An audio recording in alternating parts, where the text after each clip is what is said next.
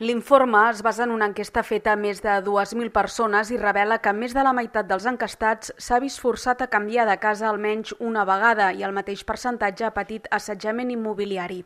O bé no els han arreglat deficiències importants de l'habitatge o els han apujat il·legalment el preu o han rebut pressions per marxar. Una realitat que no és exclusiva de les classes baixes, com explica Jaime Palomera d'Hidra. La mitjana d'edat de les persones encastades és de 38 anys i que la majoria tenen treballs qualificats i estudis superiors o llicències universitàries.